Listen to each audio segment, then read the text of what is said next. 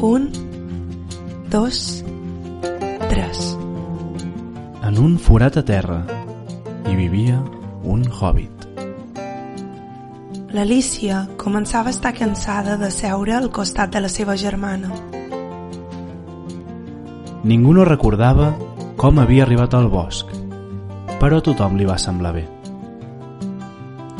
Passa una cosa curiosa amb les mares i els pares. Antiguamente, la gente solía explicar cuentos llenos de magia y maravilla. Las frías tardes de febrero son muy silenciosas al fondo de Valdelumbre. Hi havia una vegada un petit os i un petit tigre que vivien a la vora d'un riu. La nit que en Max es va disfressar de llop i va fer moltes tapelleries de tota mena.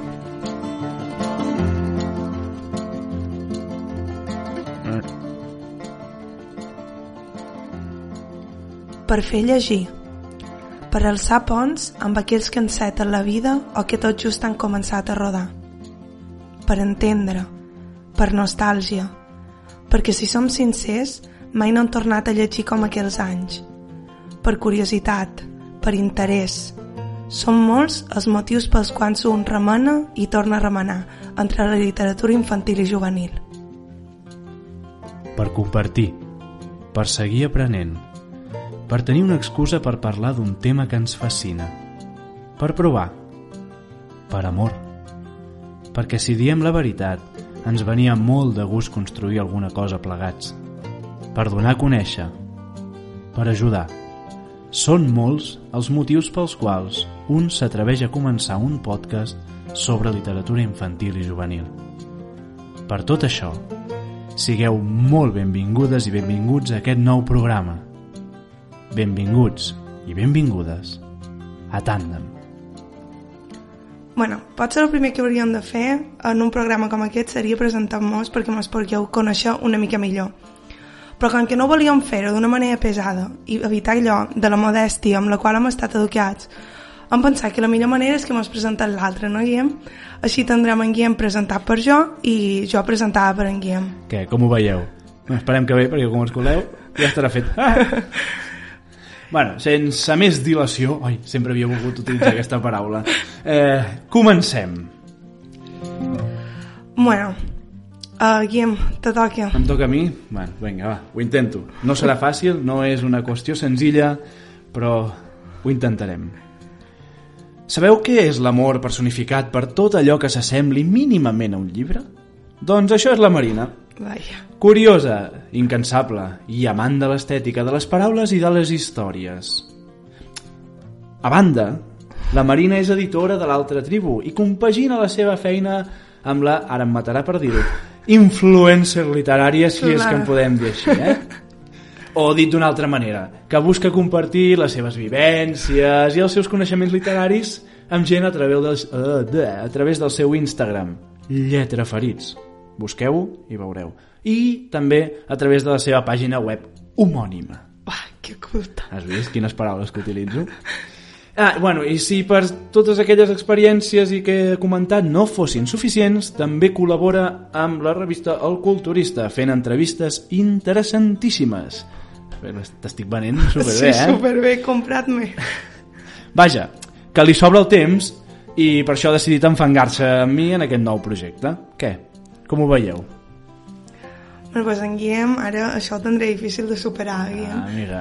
Uh, en Guillem també és influencer i bookstagrammer. I tant. El podeu cercar per tabalet. I ell, a part d'això, és professor de primària i és un defensor a les trinxeres de les biblioteques escolars. Només faltaria. I un autèntic motivat uh, darrere qualsevol projecte que tingui a veure la mediació literària i la literatura infantil. Ens van conèixer en un màster i va ser el meu primer treball. Totalment. Formàvem el que se diu un tàndem perfecte i mos morien de ganes de muntar un projecte junts com aquest. Amb aquest ni, ni la seva energia, el que avui comença en forma de podcast, ningú sap on pot acabar.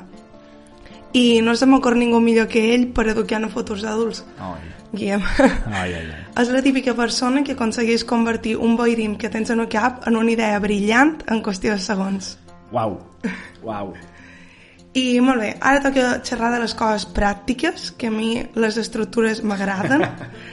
um, Tandem, en principi, estarà disponible cada dues setmanes a les plataformes digitals. Uh, per cert, perdoneu aquesta veu de camionero, uh, normalment promet no tenir-la, però ha estat una mica constipada.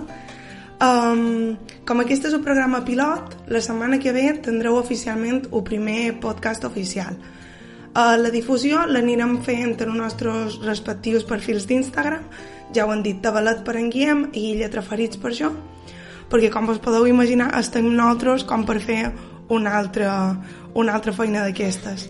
Um, I també no vos perdeu la secció de podcast que farem a lletraferits.cat. Uh -huh. A cada entrada anirem penjant links de coses de les que xerram aquí, informació concreta, um, cobertes de llibres, tot el que s'hagi xerrat en un programa perquè podríeu fer la vostra vida sense haver de tenir uh, paper i boli. A veure si ens en sortim de fer tot això. I els que heu arribat fins a aquest punt del programa suposem que ja haureu imaginat que és un programa en què parlarem de literatura infantil i juvenil. Uau! Eh? Sou bons deixebles d'en Sherlock Holmes, suposem.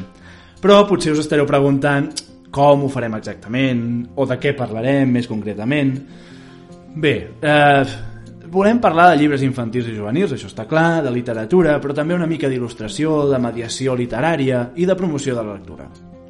També volem parlar sobre els temes que conformen tot aquest meravellós món. És una forma de dir que parlarem de tot i de res alhora, una mica, eh? Però bueno, que són molts i creiem-nos que, que dona per molt i per, i per dies i dies i hores i hores d'anar comentant. I sobretot el que volem és seguir aprenent, bàsicament. I si a més d'això aconseguim ajudar algú, doncs mira, millor que millor, no? Total.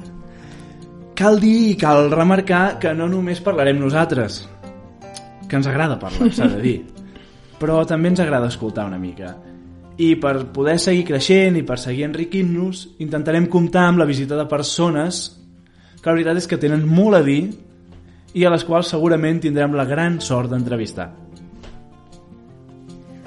Vale. I en Guillem tenia aquí unes de les seves idees fantàstiques i era um, començar sempre Ah, sí. um, podcast, uh, els inicis per ell són molt importants Sempre. um, començar-lo en aquell cas amb, el, amb llibres que per nosaltres representessin molt però serà una cosa que demanaràs a tots els convidats que venguin Seria no? divertit, no? Jo crec que saber una mica el gust del convidat que ve pel el llibre que tria al principi de la seva entrevista pot ser Clar. xulo.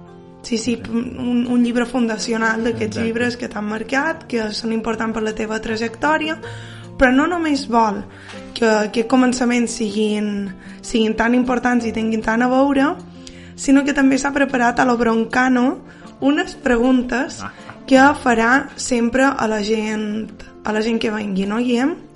Sí, espera't, que ara no se les tinc aquí. Eh, sí, la idea és aquesta, no? Doncs que fem la mateixa pregunta a tothom qui vingui, o les mateixes preguntes, i veurem quines són, i, i a veure què responen.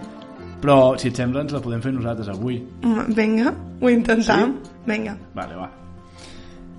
Jo no me les he preparat, eh, ho juro.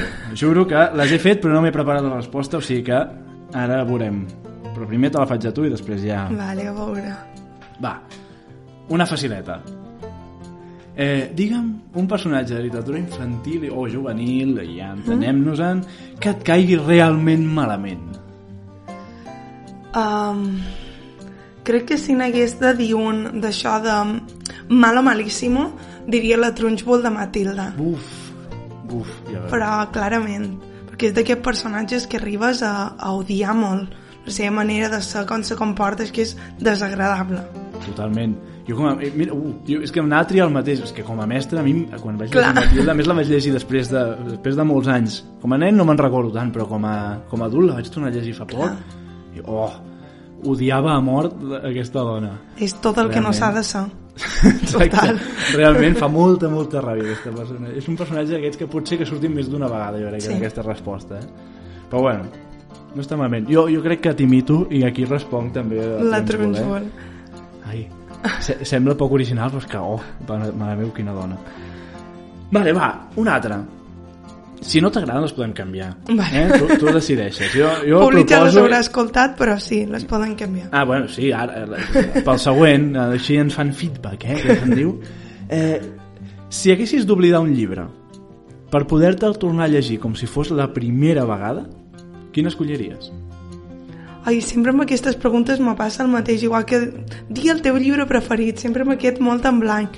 Um, diré un llibre que vaig llegir fa relativament poc, perquè si no ja no, ja no me'n record. Però um, seria Un arbre creix a Brooklyn, de Betty Smith, que me'l vaig llegir aquest estiu, el vaig trobar una història super tendra, m'ha acompanyat tot el mes d'agost, m'ho vaig passar molt bé llegint i és la història d'una nena en un Brooklyn de, de principis dels anys 20 i, i sí, crec que aquest mm, disfrutaria no haver-lo llegit per poder tornar a començar la lectura. Oh, guai. Sí, Molt bé. Què, dic el meu o què? vinga, Sí? tinc curiositat. Jo crec que seria Eragon. Uh! I perquè recordo que el primer cop que me'l vaig llegir jo estava a sisè o així, o cinquè, sisè diria, i crec que és un dels primers llibres que em van realment enganxar i que, Això que no menges, ni... Sí, no, i que llegia... O sigui, a, dins del calaix, el tenia guardat al calaix i anava llegint mentre feia classe me l'havien tret diverses, diverses Ai, això vegades. el feia molt jo també. Sí, sí, sí. I recordo això, que em va enganxar moltíssim. El primer. El segon em va enganxar... I llavors ja... Clar, i potser no el tornaria a arribar llegir per això, perquè al final em va decepcionar tant que potser...